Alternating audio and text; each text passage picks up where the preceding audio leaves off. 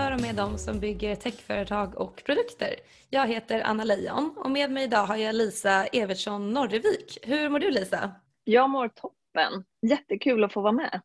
Ja, kul att ha med dig. Så Lisa, du har startat och äger och är också CEO på företaget Storyspot AB. Precis. Eh, ni är en app som möjliggör för lokal storytelling. Du kan upptäcka din omgivning tack vare förinspelade korta berättelser och guider som är utplacerade på en karta av såväl privatpersoner som professionella. Och ni tjänar pengar på reklam i appen. Skulle du hålla med om det? Eller hur skulle du beskriva ditt företag? I princip. Jag tycker du fick med en jättebra förklaring av eh, vad det är vi gör och vad det är för någonting. Men det finns ingen reklam i appen. Så det är inte så vi tjänar pengar. Mm. Så där kommer en liten twist. Okay. Eh, som jag kan berätta mer om. Ja, nej, men för jag läste era villkor ja. liksom. Men du får jättegärna berätta hur, hur det funkar. Hur tjänar ni pengar? Ja men precis. Det är roligt att vi kommer direkt in på den med pengarna så var det när vi grundade Storyspot, då hade vi en tanke om att ja, men, antingen att det skulle vara reklam i appen eller att man betalar för features och att få extra funktioner i appen. Mm, freemium-modellen liksom. Ja men precis. Mm. Sen det vi märkte när vi var ute och började och prata med potentiella kunder så, um, vad de behövde hjälp med så var ju det snarare att skapa innehåll. Mm. Så det vi såg var att många ja, men kommuner, eh, museer och destinationsorganisationer så gärna ville vara med i Storyspot men de hade inte varken kunskap eller mm. den tiden att lägga på att skapa egna ljudberättelser. Och då satt ju vi på ett nätverk av ja, men historiker, poddare, redigerare så då började vi erbjuda att vi kan spela in och eh, skriva och eh, publicera och så. Så idag så är det det ah. som vi gör. Så vi funkar också som en produktionsbyrå för innehållet. Ja men det är supersmart. Gud jag älskar när man pivotar på det här sättet. Nej men det var ju bara för att jag läste era villkor och då stod ja. det att det kunde vara, för jag var också så nyfiken på hur ni tjänade pengar. Eh, men då fattar jag, det här är, det är ju supersmart. De har ju liksom inte tid eller kunskap eller så. De outsourcar gärna det här för en liten slant och så finns ni där och skopar upp den möjligheten. Det är ju svingrymt. Precis och sen kommer vi ju på sikt eh, utveckla liksom eh, de tekniska möjligheterna och ha en en free, ja, freemium och premium modell så. Men vi är inte där ännu. Mm. Ah, jag fattar. Okej. Okay. Ja, men då kanske ni ska uppdatera villkoren då. Nej, jag bara skojar. ja, men man, man, vet ju aldrig vad som... Det är lika bra att folk godkänner det. Att man hedgar sig för det. Ja, exakt. Ah, ah. Gud vad roligt. Men, Då är vi safe. Ja, exakt, gud vad roligt. Det, jag känner, jag är också så när jag bygger grejer, att man hedgar ju sig i eh, de juridiska villkoren lite grann. Ja. Ja men grymt, men vi går in i appen mer i detalj sen. Nu fick vi en, en snabb story, det var superspännande. Men vi vill också höra om dig. Så vad, vad är din bakgrund och vad gjorde du innan du skapade Storyspot? Nej, jag har ju en bakgrund inom media och kultur. Eh, jag tänker mycket till skillnad säkert från andra som är med i den här podden som har mer teknikbakgrund så. Mm. Så jag är utbildad medie och kommunikationsvetare och har jobbat som journalist. Jag var filmjournalist på den tiden som det fanns mm. Ehm, och recensent och sådär. Ehm, och frilansade för Veckorevyn bland annat, var deras filmredaktör. Ehm, så jag, ja, mina dagar gick åt på att titta på film och skriva vad jag tyckte, om det var bra eller dåligt. Och Eh, ja, men mm. intervjua regissörer och skådisar och sådär. Efter, ja men det fortsatte jag med ganska länge och jobbade också på Stockholms filmfestival där jag var ansvarig för ja, men tidningen, delvis webb och deras PR och pressavdelning och sådär. Och eh, det som är kul med att ha jobbat där, det gjorde jag under, både som liksom volontär under många år men också sen som fast anställd under några år. Det är ju det här att man är med och bygger upp någonting. Varje år från liksom augusti så är man tio personer på kontoret och i november så är man en organisation på 300. som ska fungera. Så det är ju det här att liksom bygga någonting väldigt snabbt som måste fungera och där varje människa måste veta liksom, vad är min mm. uppgift? Och att man drivs mot samma mål. Uh, och det kan jag ju se hur det liksom har påverkat mig när man jobbar i startup och sådär. Um, och uh, det man också lärde sig är ju, där finns det ju, i kulturbranschen finns det ju inga pengar. Ville vi köpa någonting eller ha någonting, då var det ju så här, ja men du kan ju byta det mot biobiljetter. Vill jag få någon att jobba så var betalningen, ja men du kan ju få lite, du får, kan få se gratis på film. Det är det man liksom har att dela med. Så man lär sig ju ganska snabbt mm. att så här, ja men hur, hur får man folk med sig och hur får man saker gjorda mm. utan att det behöver bli så dyrt. Och det är ju väldigt bra att ha med sig när man liksom ska starta upp någonting utan budget. Så. Och sen eh, efter jag jobbade där så, ja men jag var på Kulturhuset Stadsteatern ett tag, har jobbat mm. en del åt Filminstitutet och eh, ja men sen hände det, jag var på tidningen Cinema som var en filmtidning och var redaktör där. Och så var det jag och hon som var chefredaktör där. Och det här var i samband med att iPaden släpptes kring 2009-2010. Och då såg vi ja, men massa spännande möjligheter där för kulturbranschen. Ja, men hur skulle liksom kulturaktörer kunna använda den här nya tekniken för att hitta nya intäktsströmmar och så. Mm. Så vi sa upp oss från det företaget, eh, den tidningen och så startade vi ett eget bolag där vi skulle ta fram en digital tjänst för liksom, kulturkreatörer. Så. Det var ju väldigt roligt men det visade sig ganska snabbt att vi hade rätt olika tankar om vad var vi faktiskt ville göra i det här. Så uh, inom mindre än ett år så hade vi liksom gått skilda vägar och lagt ner bolaget. Men det roliga var ju att jag, ja men innan dess, vi hade varit ute och pitchat lite för investerare och Eh, ja, men, träffat många programmerare, hur skulle vi liksom kunna bygga upp det här mm. och så. Och det var ju väldigt, väldigt roligt. Alltså det var ju typ det roligaste jag hade gjort i mitt liv dittills. Så det var ju ganska ledsamt när vi fick lägga ner det, men jag kände samtidigt att men det här är mm. någonting som jag vill göra igen. Så sen gick jag tillbaka och mm. liksom tog ett vanligt heltidsjobb. Och, eh, ja, men sen, sen när idén till Storyspot kom så blev det ju någonstans här, okej, okay, men nu kan jag ju börja bygga någonting igen. Mm, exakt. Och hur, och hur kom den här idén? Ja, det, ja men vi är ju, ja men det, dels då eftersom jag har jobbat inom eh, journalistik och sådär, då är man mm. ju en väldigt nyfiken person. Så vart vi än är vi ute och åker bil genom Sverige och så passerar man ett eh, övergivet hotell. Det finns till exempel ett som ligger, om man åker en mm. timme söder om Stockholm på E4 så ligger på höger sida ett övergivet hotell. De allra flesta. Jag tror jag har sett det. Ja, du har sett det. Det är många som har funderat, men vad är historien bakom Exakt. det här övergivna hotellet? Det står massa liksom statyer och sådär.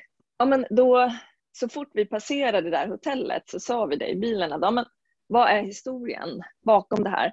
Tänk om man kunde hitta ett lätt sätt där de som känner till historien kan dela med sig av den till oss som är nyfikna på att veta. Mm. Och sen var det ju så när man passerade så här rondellhundar som ser ut som potatisar, det är lustiga ortsnamn, skumma så konstverk man ser.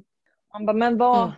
varför kan jag inte få reda på historien bakom allt det här? Och dessutom överallt där det har bott människor mm. så finns det ju berättelser.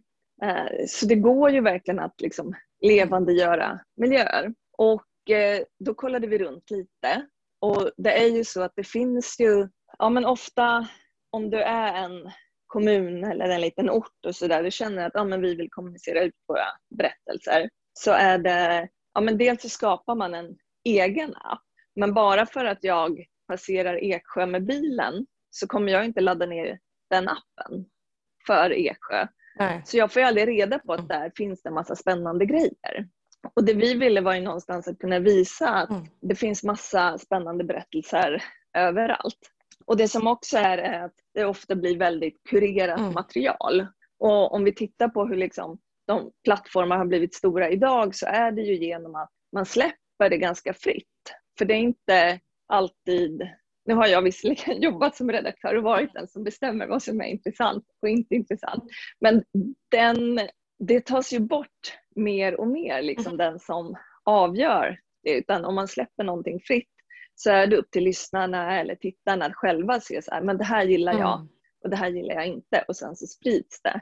Och att man skulle kunna skapa en sån plattform. Mm. Och ja, men vi pratade runt och så märkte att det är ju mm. människor som både är intresserade av att lyssna, vi fick jättebra respons och det finns också många som är intresserade av att dela med sig av material och det finns de som skulle vara ja, men intresserade av att betala för att synas mm. i det här sammanhanget. Så då drog vi igång. Mm, shit vad coolt. Och jobbade du liksom heltid under en viss tid eller, eller hur, hur, För du ju heltid med Storyspot, eller hur? Precis. Hur gjorde du den övergången? Hur, hur fandade ni er i början? Ja, men jag hade ju en heltidsanställning då. Och sen så skulle jag gå på föräldraledighet med mitt tredje barn. Och jag visste ju också att jag antingen har jobbat när jag har varit föräldraledig samt parallellt eller så har jag varit lite rastlös.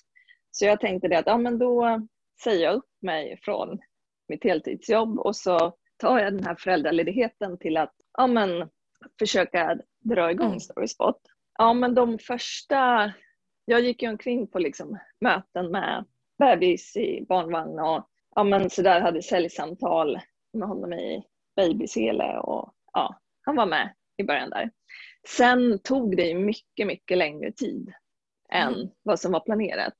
Så det var ju, planen var ju att vi liksom skulle ha någon affärsmodell igång mm. när min man tog över föräldraledigheten. Men så var det inte riktigt. Allt tar ju mycket längre tid mm. och är mycket svårare än vad man tror. Mm. Exakt. Men så vad gjorde ni där i början? Du sa att du gick runt på säljsamtal, men liksom, hittade ni en utvecklare och betalade den ur egen ficka och tog fram en MVP? Eller? Mm?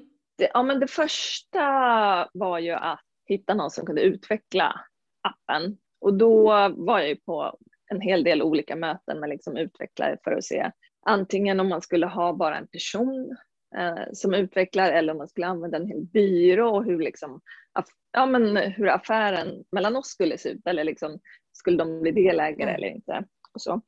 Sen träffade jag en tjej som drev, var med och drev en appbyrå och vi klickade direkt och de ville gå in som delägare och ja, men utveckla. Um, och de hade programmerare som satt utomlands men inte jättelångt bort. Gud, nu har jag glömt bort exakt vilket land det var. Mm. Men i alla fall. Så då gjorde vi liksom en deal mm. där och de utvecklade en app för iOS. Eh, så vi tänkte att ja, vi börjar med att bara utveckla för iOS eh, och sen så tar vi Android senare. Och då vi tog mm. också ett litet lån, ett litet innovationslån från Almi för att liksom finansiera starten. Så. Och sen eh, utvecklade de mm. iOS-versionen och hemsida och sådär och eh, sen gav jag mig ut för att liksom få folk att börja använda det här. Och då visade det sig ju ganska snabbt att dels så var ju mm. våran målgrupp människor som bodde ute på, ja men i mindre städer och mer i landsbygd, mm. inte så mycket storstäder. Och där är det många fler som har Android-telefoner. Ah. Så när jag kom och sa att appen mm. bara fanns för iPhone så kunde folk bli riktigt förbannade och sa att du får komma tillbaka när du har en riktig app. Den där är inte på riktigt. Vi pratar ja. inte med dig i princip. Oj, men var, det de som skulle spela in, alltså så kommunerna eller så? Alltså det, är de, det är de som oftast har Android, eller? Uh, uh, nej, utan alltså människor, människorna som... Lyssnarna? Lyssnarna, ja precis. Okay. Så det var ju de som kunde bli lite arga. Så. Men varför tror du att det är så att de använder Android i större utsträckning? Ja, det är en bra fråga. Men iPhone kanske är ett storstadsfenomen?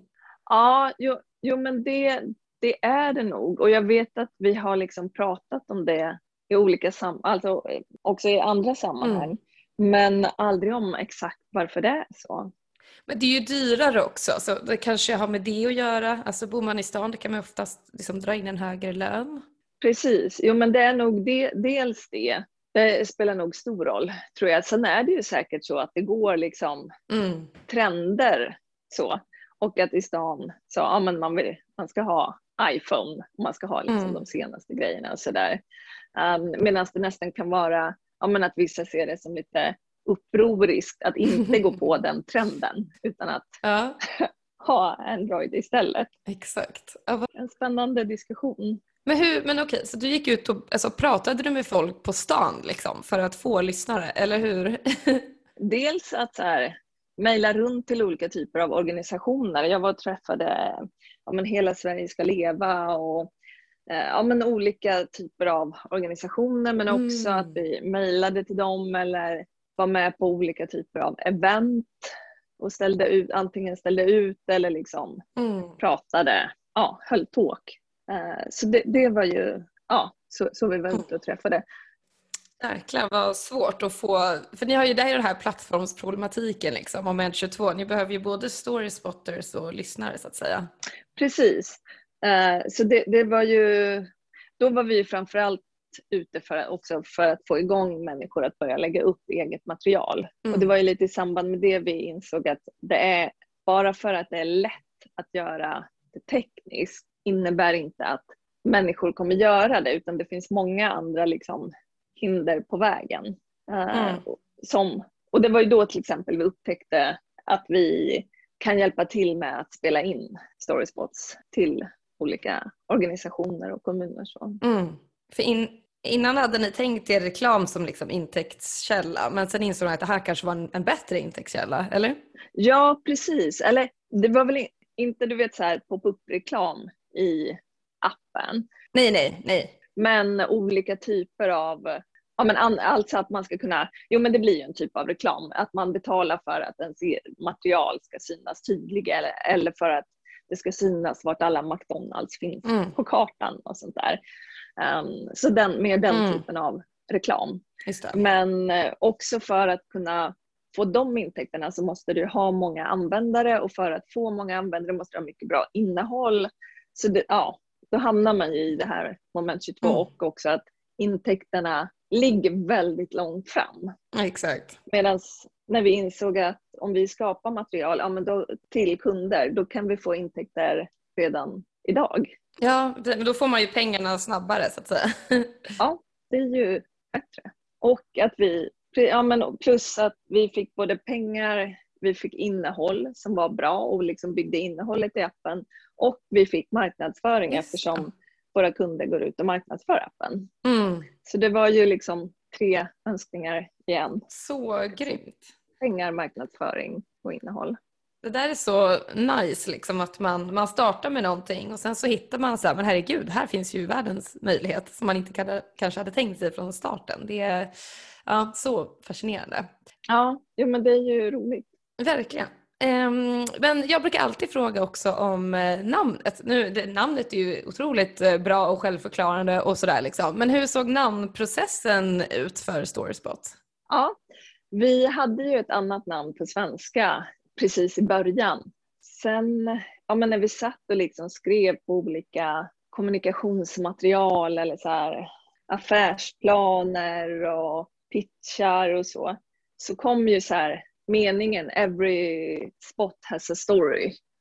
Och då plötsligt så bara, men vi borde heta Storyspot mm. istället. Och då var det ju ganska självklart så. Så det var verkligen att, ja men när man satt och jobbade mm. mycket med orden och kommunikationen som det, ja men så här ska vi heta. Och då blev det så. Mm. Coolt. Och det var ledigt och sådär också, domänerna? Uh, ja, det var det ju. Inte .com. Nej. Och den var vi på och försökte köpa köpa loss men fick ingen respons. Mm, och sen precis. fanns ju .io och .se och sådär. Så det, ja, då mm. körde vi på det. Ja men shit vad coolt. Men du säger att ni tog fram pitchmaterial. Eh, men men liksom, ja. är ni bootstrappade eller har ni alltså, finansiärer eller hur? Eh, ja, vi, vi har ju inga liksom, vi har fått ett Vinnova, vad heter det? Vinnova innovativa startups första mm. Ja, eller vad säger man, det är väl mer som ett typ bidrag. Så. Det är inget man behöver betala tillbaka, mm. man får dem rakt upp och ner. Ja, så. Gud vad trevligt. Ja, men det är det ju. Det är det. Um, så det fick vi och sen så har vi liksom finansierat det till absolut största delen själva. Mm. Eller så här, så här, vi i början där hade vi tänkt renovera vårt hus. så vi tog ett lån för att renovera. Mm. Och eh, huset är fortfarande inte renoverat om man okay. säger så. ja, det kanske var rätt prioriterat. Ja, men jag tänker det. Jag tänker att vi får väl i framtiden renovera huset jättemycket när, man, när det går bra. Mm, men än, än, så länge får det vara som mm. där. Eh, du berättade lite grann om det tidigare, eh, men första betalande kunden, vill du berätta om den upplevelsen och hur det gick till och hur det kändes? Ja, ja men absolut. Eh, och jag har egentligen så kan man säga att det finns liksom två versioner. För den första, jag minns verkligen precis så här ögonblicket när vi fick vår första betalande kund. För mm. då hade vi, jag hade kontakt med SJs affärs, han som var ansvarig för affärsresande på SJ och liksom deras mm. paket och sådär. Och vi hade pratat om att vi skulle göra någonting för att äh, ja, men, öka affärsresandet mellan Stockholm och Åre genom att lyfta fram mm. vilken bra ort Åre är att eh, driva företag i. Eh, och vi hade kommit med idén att vi skulle skicka en journalist till Åre som intervjuade olika ja, startups och företagare där. Och så gick jag på, mm. jag minns det precis verkligen, för jag var utanför Åhléns på Drottninggatan. Och vi hade kontor på Epicenter då så var jag liksom på väg upp där. Och så ringer telefonen. Och jag går in, jag tror det var en, så här, en skobutik eller någonting precis i hörnet där. Och då är det an, antingen är det att jag kollar mail eller så är det att han ringer upp och säger så bara, men vi kör, vi kör på det här. Så här känslan någonstans att, men nu har vi en kund, det är någon som vill mm. betala för det här faktiskt. Att nästan så här, hela världen vänds upp och ner. Ah, nu vänder det! Ja. Vad kommer hända nu? Första fakturan. ja, första fakturan blir en stor förändring. Eh, och det blir verkligen en så här, oj, man blir nästan lite rädd mm. för vad kommer det här innebära?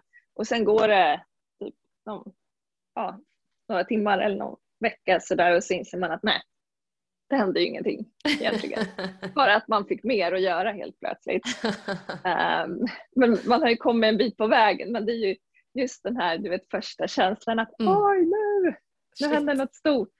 Exakt, någon vill betala för ja, någonting jag har skapat liksom. Ja, eh, men sen var det nästa, för det var första eh, betalande kunden. Eh, och sen kom vi på, Alltså, sen gick det lite tid faktiskt, för det var ju svårt att liksom upprepa den idén så. Eh, men sen så hade vi, jag hade olika möten med ja, podcastare och kommuner och sådär. Eh, som, och vi gjorde marknadsundersökningar och så. Och eh, då visade det sig ju att ja, men kommunerna, många kommuner har ett gemensamt problem att de vill få unga människor att ja, men börja intressera sig mer för liksom den lokala orten och historia och sådär. Och det är ju mm. kanske inte jättepoppis. Eh, så det är en utmaning de har. Och eh, sen så pratade jag med en tjej som är historiker, podcastare och vars specialitet är just där övernaturligheter, spöken och liksom lite modernare historia, crime och så. Och pratade jag med ungdomar i min närhet och insåg att nej men, deras största intresse är ju övernaturligheter, spöken mm. och just när vi var ute och åkte så de tyckte det var jättespännande att besöka en hembygdsgård. För där fanns det ju mm. liksom lite läskigt och sådär. Och då såg vi att ja, men om vi låter Linda då som är historiker skapa spökberättelser med en historisk grund om eh, lokala händelser. Så mm började vi erbjuda, vi, vi testade att skicka ut det här till ett gäng kommuner och då fick vi direkt tre stycken kunder som nappade och insåg att men det här är ju, här har vi någonting, här löser vi verkligen ett så här reellt problem som de här kommunerna sitter på. Så det har, vi har gjort eh, sådana här spökberättelser med historisk grund ja, vad är det, till bra många kommuner runt om i Sverige. Och det är inte bara unga som är intresserade av det utan vi, ja men i somras så mm. Lottie Knutsson pratade om de här berättelserna i TV4 och Aftonbladet och så här, om mm. den nya spökturismen och så. Så det har ju verkligen spritt sig vidare också så det är inte bara någonting som liksom de gör, kommunerna gör för sina ungdomar utan det är något som turistbyråerna använder sig av och sådär. Det, det är verkligen någonting som funkar bra och det är ju superkul. Verkligen, jag har hittat en nisch liksom som, som flyger där. Ja. Eh, men var det i samma veva, eller vill du berätta om liksom konverteringen från ja, att, du, att du var anställd någon annanstans och att det här var ett hobbyprojekt till att du faktiskt kunde köra heltid på det här? Ja, um, gud, nu har jag, det tappade jag ju bort där någonstans. Um, för det här är ju ändå något år senare. Men mm. jag gick väl i, ja men e-, efter jag hade varit föräldraledig där, jag hade ju frilansat ganska mycket som journalist och liksom redaktör och sådär innan. Så då istället för att ta, gå tillbaka till en liksom anställning, för vi märkte att ja, men, de pengar, om vi får in mm. pengar så vill vi kunna satsa det på att bygga vidare appen och så att vi inte heller fick in så mycket pengar eh, i början. Eh, så då eh, gjorde jag gig vid sidan om liksom. Och sen så, ja, eftersom jag då har jobbat inom kultur och media där mm. lönerna är ganska låga om man jämför med andra jobb. Så alltså jag, vi har ju liksom inte haft några så här mm. extravaganta vanor heller. Så det har inte varit svårt att bootstrappa sitt liv. Så. Och det, det tror jag också... Okay. Uh. Nej, men att man helt enkelt får så här, nej men jag behöver väl inte köpa några kläder det här året. Utan nu fokuserar jag mm. på att liksom, det roliga får vara att eh, försöka få det här företaget att flyga istället. Och det är ju såklart det är svårt när man så här ser, har kompisar som bara, nej men vi drar på en resa till Dubai. Och man bara, ja nej men jag sitter ju här hemma istället framför datorn. Men det är ju ändå liksom, så länge man vet att det är ett val som man själv har gjort eh, så är det ju helt okej. Okay. Mm, exakt, ja, man får prioritera. Ja, och det är ju också att kunna se liksom, den större bilden längre fram och att ja, ja, men nu är jag ju på väg mot det här och det går inte att få allt. Jag, det är mm. svårt att liksom bygga ett företag och försöka be, ja, men bootstrappa och behålla mm. andelar och liksom få igång det och rulla och få intäkter och så. Mm. Ja, exakt. Och samtidigt ha mycket pengar. Om man då inte har ett utan man, ju, man får ju välja där och sen liksom någonstans mm. acceptera att ja, det här valet har jag gjort. Och det går ju att välja om sen också om man skulle vilja det. Även om ju, ju bättre det går för företaget desto um, då vill man ju hänga kvar där. Ja men exakt. Um, ja, och nu, jag förstår att du inte är utvecklare själv, uh, men hur, uh, utifrån dina egna liksom, ordval, hur har ni byggt uh, appen och varför har ni gjort de teknikval som ni har fattat? Varför har ni bytt en app till exempel från första början? Ja, eh, ja men, och det är ju för att framför allt för användarupplevelsen. Eh, för att på en webb, alltså i och med att appen bygger på en karta eh, så vill man kunna se GPS och att ja, men i, med en app i telefonen så är det lättare att kunna följa um, mm. vart man befinner sig, se de här liksom berättelserna på kartan och så. Vi har ju fått förfrågningar om, ja men ska ni inte ha liksom en sida där man kan uh, göra det via webben? webben?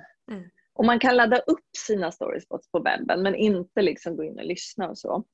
Vad det ytterligare, jo för det är ju också just kring affärsmodellen där, vill man tjäna pengar på ja, men om man till exempel skulle ha annonsering eller så, så skulle på ett sätt vara lättare att liksom ha allting samlat i en app än på en hemsida. Så där, där var det ju flera val. Sen som, som jag sa mm. tidigare, först började vi mm. med att bara ha en äh, app för iOS i Objective-C och sen när det visade sig att okej, okay, men det här, vi måste göra om allting. Ja, men då, då hade också, nu hoppar jag tillbaka igen i tiden lite. Um, men då hade den här webb eller appbyrån som vi jobbade med hade deras affärsmodell var att gå in i olika startups och utveckla deras appar. Och en av apparna de hade utvecklat hade det gått jättebra för. Så de eh, avknoppade alla andra startups eh, och blev liksom bara mm. det bolaget och fokuserade på det. Eh, så då, vi stod ju med, vi fick tillbaka alla andelar men stod med en app som typ ingen ville ha. Och hemsidan var också väldigt svår uh, att förstå. Vi hade ju gått i den så klassiska startup-fällan mm. när man inte använder testar innan utan tänker att men, jag vet, om jag bara förmedlar min vision om att förändra mm. världen så kommer folk vilja ha det här. Så mm. Det var ju ingen som fattade, om de gick in på hemsidan så bara, vad är det här? Är det en app mm. eller vad äh, är det en mm. webbshop? Vi vet inte. Äh, så vi var ju tvungna att bygga om hemsidan och appen. Vi hade inga pengar. Och det var då som vi lyckades få det här Vinnova-bidraget mm. inför det. Och då tog vi, eller jag fick kontakt med en byrå i Polen som utvecklade appen i React Native. Så de gjorde mm. ju om appen. Um, och det var ju framförallt, ja men det behövde byggas i ett ramverk för båda, både iOS och Android. Och uh, det behövde, uh, ja men att det skulle vara enkelt och att det skulle vara enkelt för andra att ta över. Alltså det ska vara enkelt för andra utvecklare att komma in. Mm, att förvalta. Ah. Ja, precis. Att förvalta. Och då känner vi att ja, React Native är bra helt enkelt. Ja, men och sen så, det här är ju en lång, lång historia om ramverken. Nej men för sen eh, så jobbade vi med dem. Jag har ju ändå hela tiden haft som mål att ha en partner, alltså ha, ha med en teknisk medgrundare i bolaget eh, för att det blir mycket mer stabilt. Och för ett och ett halvt år sedan ungefär så började jag jobba med en kille som heter Micke och mm. är en fantastisk eh, fullstack-utvecklare eh, som sen, ja men vi bestämde han skulle, han har gått in som CTO. Vi var tvungna, ja nu, den här, jag kan ju dra eftersom de som lyssnar på det här, mm. jag tänker att ni ändå är intresserade av tech, lite lustig men ändå jobbig historia. För den, vi hade byggt, hela backend var byggd i, eh, ja men av de här första, mm. eh, den, den, absolut mm. första appbyrån som vi inte hade kontakt med längre och som inte hade varit inne och petat i det i, på några år. Och den var byggd i, eh, ja men MongoDB bland annat var databasen där vi skötte det och um, sådär. Och började saker liksom fallera där. Och de som, så gav jag det, var, det här var innan Micke kom in i bilden så hade vi liksom lite andra utvecklare som skulle gå in och ja, men vi måste styra upp mm. backen för det är saker som liksom har slutat funka och det finns en stor risk att den här inte har uppdaterats. Alltså det är massa liksom, paket och beroenden som när som helst kommer paja. Vi vet alltså det är en fråga om när som det här slutar funka. Och eh, så var det utvecklare som liksom var inne och kollade. De bara, äh, men jag, jag vågar inte göra, jag vågar inte peta någonstans. Och så var det någon som försökte peta någonstans och bara allting gick ner och så funkar vi bara okej, okay. ja men, men det här var ju jobbigt. Vi behöver ju någon som kan gå in och bygga om mm. allt. Uh, och det var ju då i samband med det som jag, som Micke kom med och vi bestämde att han får vara den som, om han vill gå in som och liksom ta ansvar för det här och att vi gör det långsiktigt så får han göra alla tekniska val framöver också. Eh, och då har han byggt om databasen och hela liksom backend-systemet och i och för sig använt ganska mycket av de system som vi hade tidigare men ändrat så att det liksom blir mer modernt och mer eh, ja, men det som han är van vid och tycker funkar bäst. Och sen, mm. och då, vi var ju ändå tvungna att bygga om appen eftersom vi var tvungna att bygga om så många olika ja, ja, men när vi ändå var i farten. Och då ville han bygga om den i Flutter. Så idag är den nya appen i Flutter. Uh, och det är framförallt för att han också, ja men mm. i och med att han är en fullstackutvecklare och inte bara en apputvecklare, så tycker han att det känns bekvämast att ha så mycket, ja men vad säger man, den, mer kontroll så, um, och mer frihet. Exakt. Han känner sig bekväm med det så att säga. Ja, precis. Eh, jag, jag har fått en mm. liten notis för jag, vi pratade lite om det här innan och då sa han ja, men eller skrev han till mig att ah, du får inte trasha för mycket på React Native nu eftersom då kommer folk bli sura. så därför säger jag ingenting om det utan ja, mer ändå det här. Men han gillar eh, Flutter helt enkelt. Ja, ja men kul, och, kul att höra. Ja. Men eh, liksom i nuläget, så här, lägger ni mycket pengar på marknadsföring för att få in både lyssnare och story spotters? Eller liksom, hur får ni in era användare? Ja, nej, vi, lägger, vi har i princip inte lagt några pengar alls på marknadsföring. Uh, mm. av, framför allt av ett skäl och det är att om vi lägger pengar på marknadsföring och vi får in användare och de går in i Storyspot och det inte finns berättelser på deras plats så kommer de tycka den dåliga. Uh, och då är mm. det ju ingen idé att marknadsföra generellt. Så det vi fokuserar på är att när vi har haft kunder eller när vi har liksom engagerade användare så hjälper vi dem att lyfta upp sin kommunikation. Så vi försöker underlätta och ge så mycket som möjligt till eh, ja, kunderna och användarna för då kommer ju de, ja, säga att det finns jättemycket storyspots i Munkfors, vilket det faktiskt gör. Eh, är väldigt engagerade. Och eh, ja, men att mm. då hjälper vi dem med kommunikationen ut. För är någon i Munkfors och får reda på att ladda ner Storyspot, då kommer de tänka wow, gud vilken bra app. Här finns ju jättemycket berättelser. Så det är det vi försöker, eh, inte mm. marknadsföra appen så mycket, utan just innehållet, för det är innehållet som är det intressanta. Mm.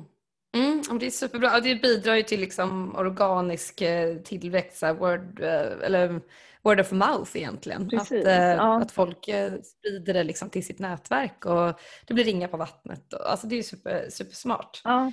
Men kan man också, för det, alltså, det jag, jag var inne och använde det lite grann, men kan man mm. liksom rapportera ett ställe som man vill, skulle vilja ha en story spot på? Eller? Oh, det, inte idag. Men det vill vi ju, det är en av mina såna saker som jag har velat ha, att man ska kunna lägga ut ett typ frågetecken eller någonting Exakt. här och så kan någon annan komma in och så här claima och berätta historien. Precis. Det är ju jättekul. Och så här crowdsourca så att säga. Ja, precis. Och vi vill ju få in ja, men lite mer, då blir det lite mer gamification och att man Eh, mm. ja, men vill återkomma till appen. Ja, men finns det någon jag kan hjälpa? Och att det blir ett samspel just Precis. mellan så här, lyssnare och de som skapar storyspots. Och så eh. kan man liksom markera ett område som man är intresserad av och så får man en notification när, när de storyspotsarna har skapats helt enkelt. Ja, precis. Och det är verkligen inte långt kvar i framtiden. Vi håller på att testa ja. sånt just nu. Så det under sommaren så, ja, så, är det på väg ut. Gud vad roligt att du säger det just eftersom det är det vi sitter och håller på med. Just alltså verkligen ja. så här, nu. Eh, så det blir jag... Men det, det blir liksom både så här eh, pull och push-effekt. Man kan liksom pusha ut innehåll som redan finns men man kanske också kan få rapportera om innehåll som man skulle vilja finna. Så det, det liksom det blir en, eh, ja, ska man det också egentligen igen organisk tillväxt på eh, optimalt eh, content. Ja, jo men och det är ju det som är det bästa, alltså just att försöka jobba på det här med den organiska tillväxten och att det blir folk tipsar varandra mm. och sådär. Och det blir ju fler och fler som ja, men hör av sig till oss, både användare som säger ah, men hej vi, har, vi vill lägga upp eh, storyspots och så, men också kunder som hör av sig. Bara, ah, men grannkommunen gör ju det här, nu vill vi också vara med. Eh, och mm. då vet man ju att okej, okay, men nu, nu har vi liksom ändå tagit oss över en puckel. Och både att våra kunder tycker det är mm. bra men också att det liksom sprider sig vidare och de andra runt omkring känner att ah, men vi vill också vara med på det här. Mm. Så, så kul. Nu har vi ju redan fått en sneak peek men har ni några andra features vad är liksom visionen långsiktigt? Eh, ja, långsiktigt är ju att ja, men vart man än kommer så ska man kunna levandegöra sin omgivning genom att använda Storyspots och att det är ja, men den självklara platsen eller den självklara vad säger man, tekniska platsen, plattformen som man går till när man ja, men, mm.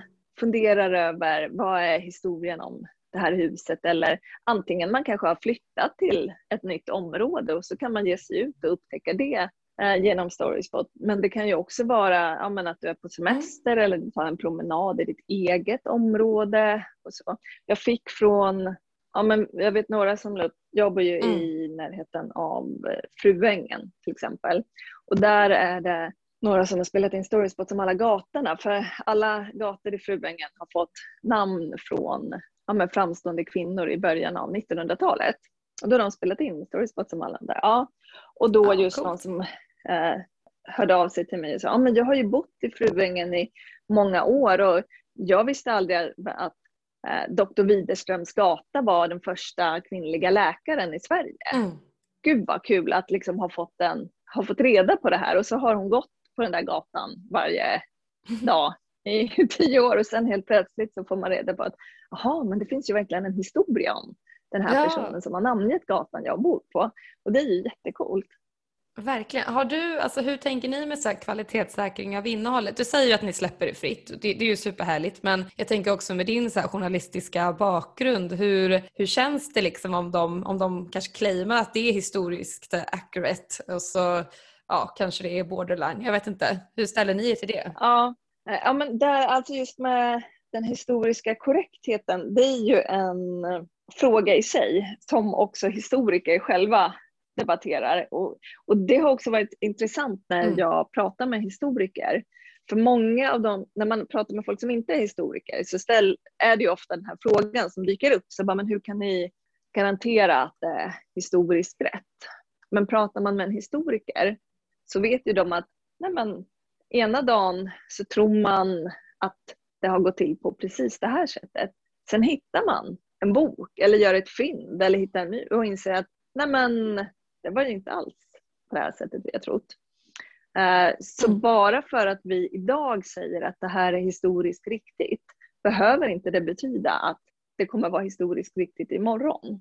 Det är ju alltså senast eh, mm. härom, ja, men nu vet jag man har läst i tidningarna om vad det är så här, Bockstensmannen eller någon som de nu har fått byta hår på för det visade sig att han har hela tiden är ju på museet fått ha ljust hår men han hade ju egentligen mörkt hår. Nu måste vi byta hår. Inte jättestor Oj, grej ja. men alltså att man, historien utvecklas ju också. Ja, ja, så det, sen ska det inte vara hittepå. Mm. Nej, precis. Att de har fel motiv liksom. Eh, att de kanske har en, har en incitament med att framhäva det på ett visst sätt för sälj eller liksom vad det nu än kan vara. Ja, jo, men och där, där har vi ju, och det är också någonting som vi har märkt nu när det kommer fler och fler, alltså plattformen börjar användas mer och mer, vi måste sätta upp man, vissa regler så att det ska mm. handla om platsen. Lägger du ut en storyspot på en plats så ska den på ett eller annat sätt ha relevant, relevans för den platsen. Alltså du kan inte så här, läsa in en historia om, eh, ja, vad ska vi ta, Alfons Åberg och bara placera ut den var som helst i Sverige. Utan då ska den ju ha en koppling till den platsen. Mm. Okej, okay, men författaren skrev den här berättelsen här. Okej, okay, då kan den vara med. Men mm. eh, så det är ju en just att så här, det ska vara, ha en koppling till platsen och att det ska vara en historia. Sen är det ju ingen kvalitetssäkring, så, mm. men om någon säger så här, hej, Exakt. här, vi säljer glass och har öppet mellan 9 och 15, mm. men då tar vi bort den. Ja. ja. jag såg också att man kunde rapportera liksom, i appen, så det, det är ju nästan själv, ja, självrensande ja. då om folk verkligen rapporterar Precis. sånt. Så det är ju... Ja, men så, så man, man, får ju vara, vara lite så här, eller vi har börjat vara lite, inte strikta men ändå så här, man kan inte bara ladda upp precis vad som helst spela in en låt och lägga upp, mm. men då tar vi bort den. ja men exakt. Uh, ja men shit vad så, så spännande. Uh, vi börjar uh, runda av lite, uh, snart slut på tid och sådär. Men vad har du för liksom, tips och lärdomar till andra som också vill bygga techprodukter? Ja, mitt största misstag har varit att använda testa alldeles för lite i början. Och att ha trott vi vet mm. vad användarna, alltså inte bara vad användarna och kunderna vill ha utan också att de, hur man ska göra för att de ska förstå det. Och så är det ju inte alls överhuvudtaget. Så mitt absolut största och viktigaste mm. tips och det som vi gör annorlunda idag är ju att eh, använda testa så mycket som möjligt. det kostar ju mer och är liksom dyrare mm. och tar längre tid och så. Men då behöver man inte gå tillbaka när man är, har liksom lanserat sin produkt och så inser man att är det ingen som fattar, nu måste vi börja om igen. Eh, då är det ju i princip för sent.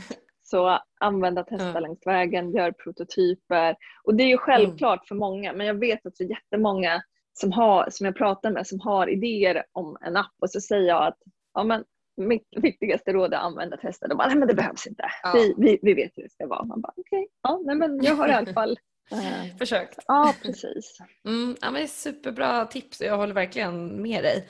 Men så grymt eh, Lisa. Eh, men vet du någon annan textskapare som tycker att jag borde intervjua härnäst? Ja, nu ska vi se. Ja, men det, det var ju, gud, ja, det finns ju flera spännande. Alltså jag tycker alltid eh, Helena Samsjö på, som är The Drone Queen eh, är jättespännande och, mm. eh, och har skapat men gud, bara därför tappade jag ju bort vad bolaget heter. Men i alla fall som levererar liksom förnödenheter runt om i världen med hjälp av drönare och har skapat en plattform mm. för det. Som är alltså en helt fantastisk, en helt fantastisk tjänst och ja, så um, Och sen ja, men grundarna av uh, Ridesum som ju också är en uh, app för, inom liksom horse tech. Mm som är jättecool och liksom resan som de har gjort där. Um, så de är ju definitivt uh, intressanta. Det finns ju många. Um, mm. Ja, men, det, det blir men vi börjar grymt. där. Ja, exakt. Då ska jag kontakta dem. Ja, men super. Tack så hemskt mycket för att du var med och delade din eh, story. Nu meta-referens här. Ja, och så kul. Och jag vill också uppmana tack. lyssnarna till att eh, ladda ner appen för den är verkligen riktigt grym och eh, spännande. Ja, tack. Super. Tack så mycket då Lisa. Tack själv. Det har varit väldigt roligt.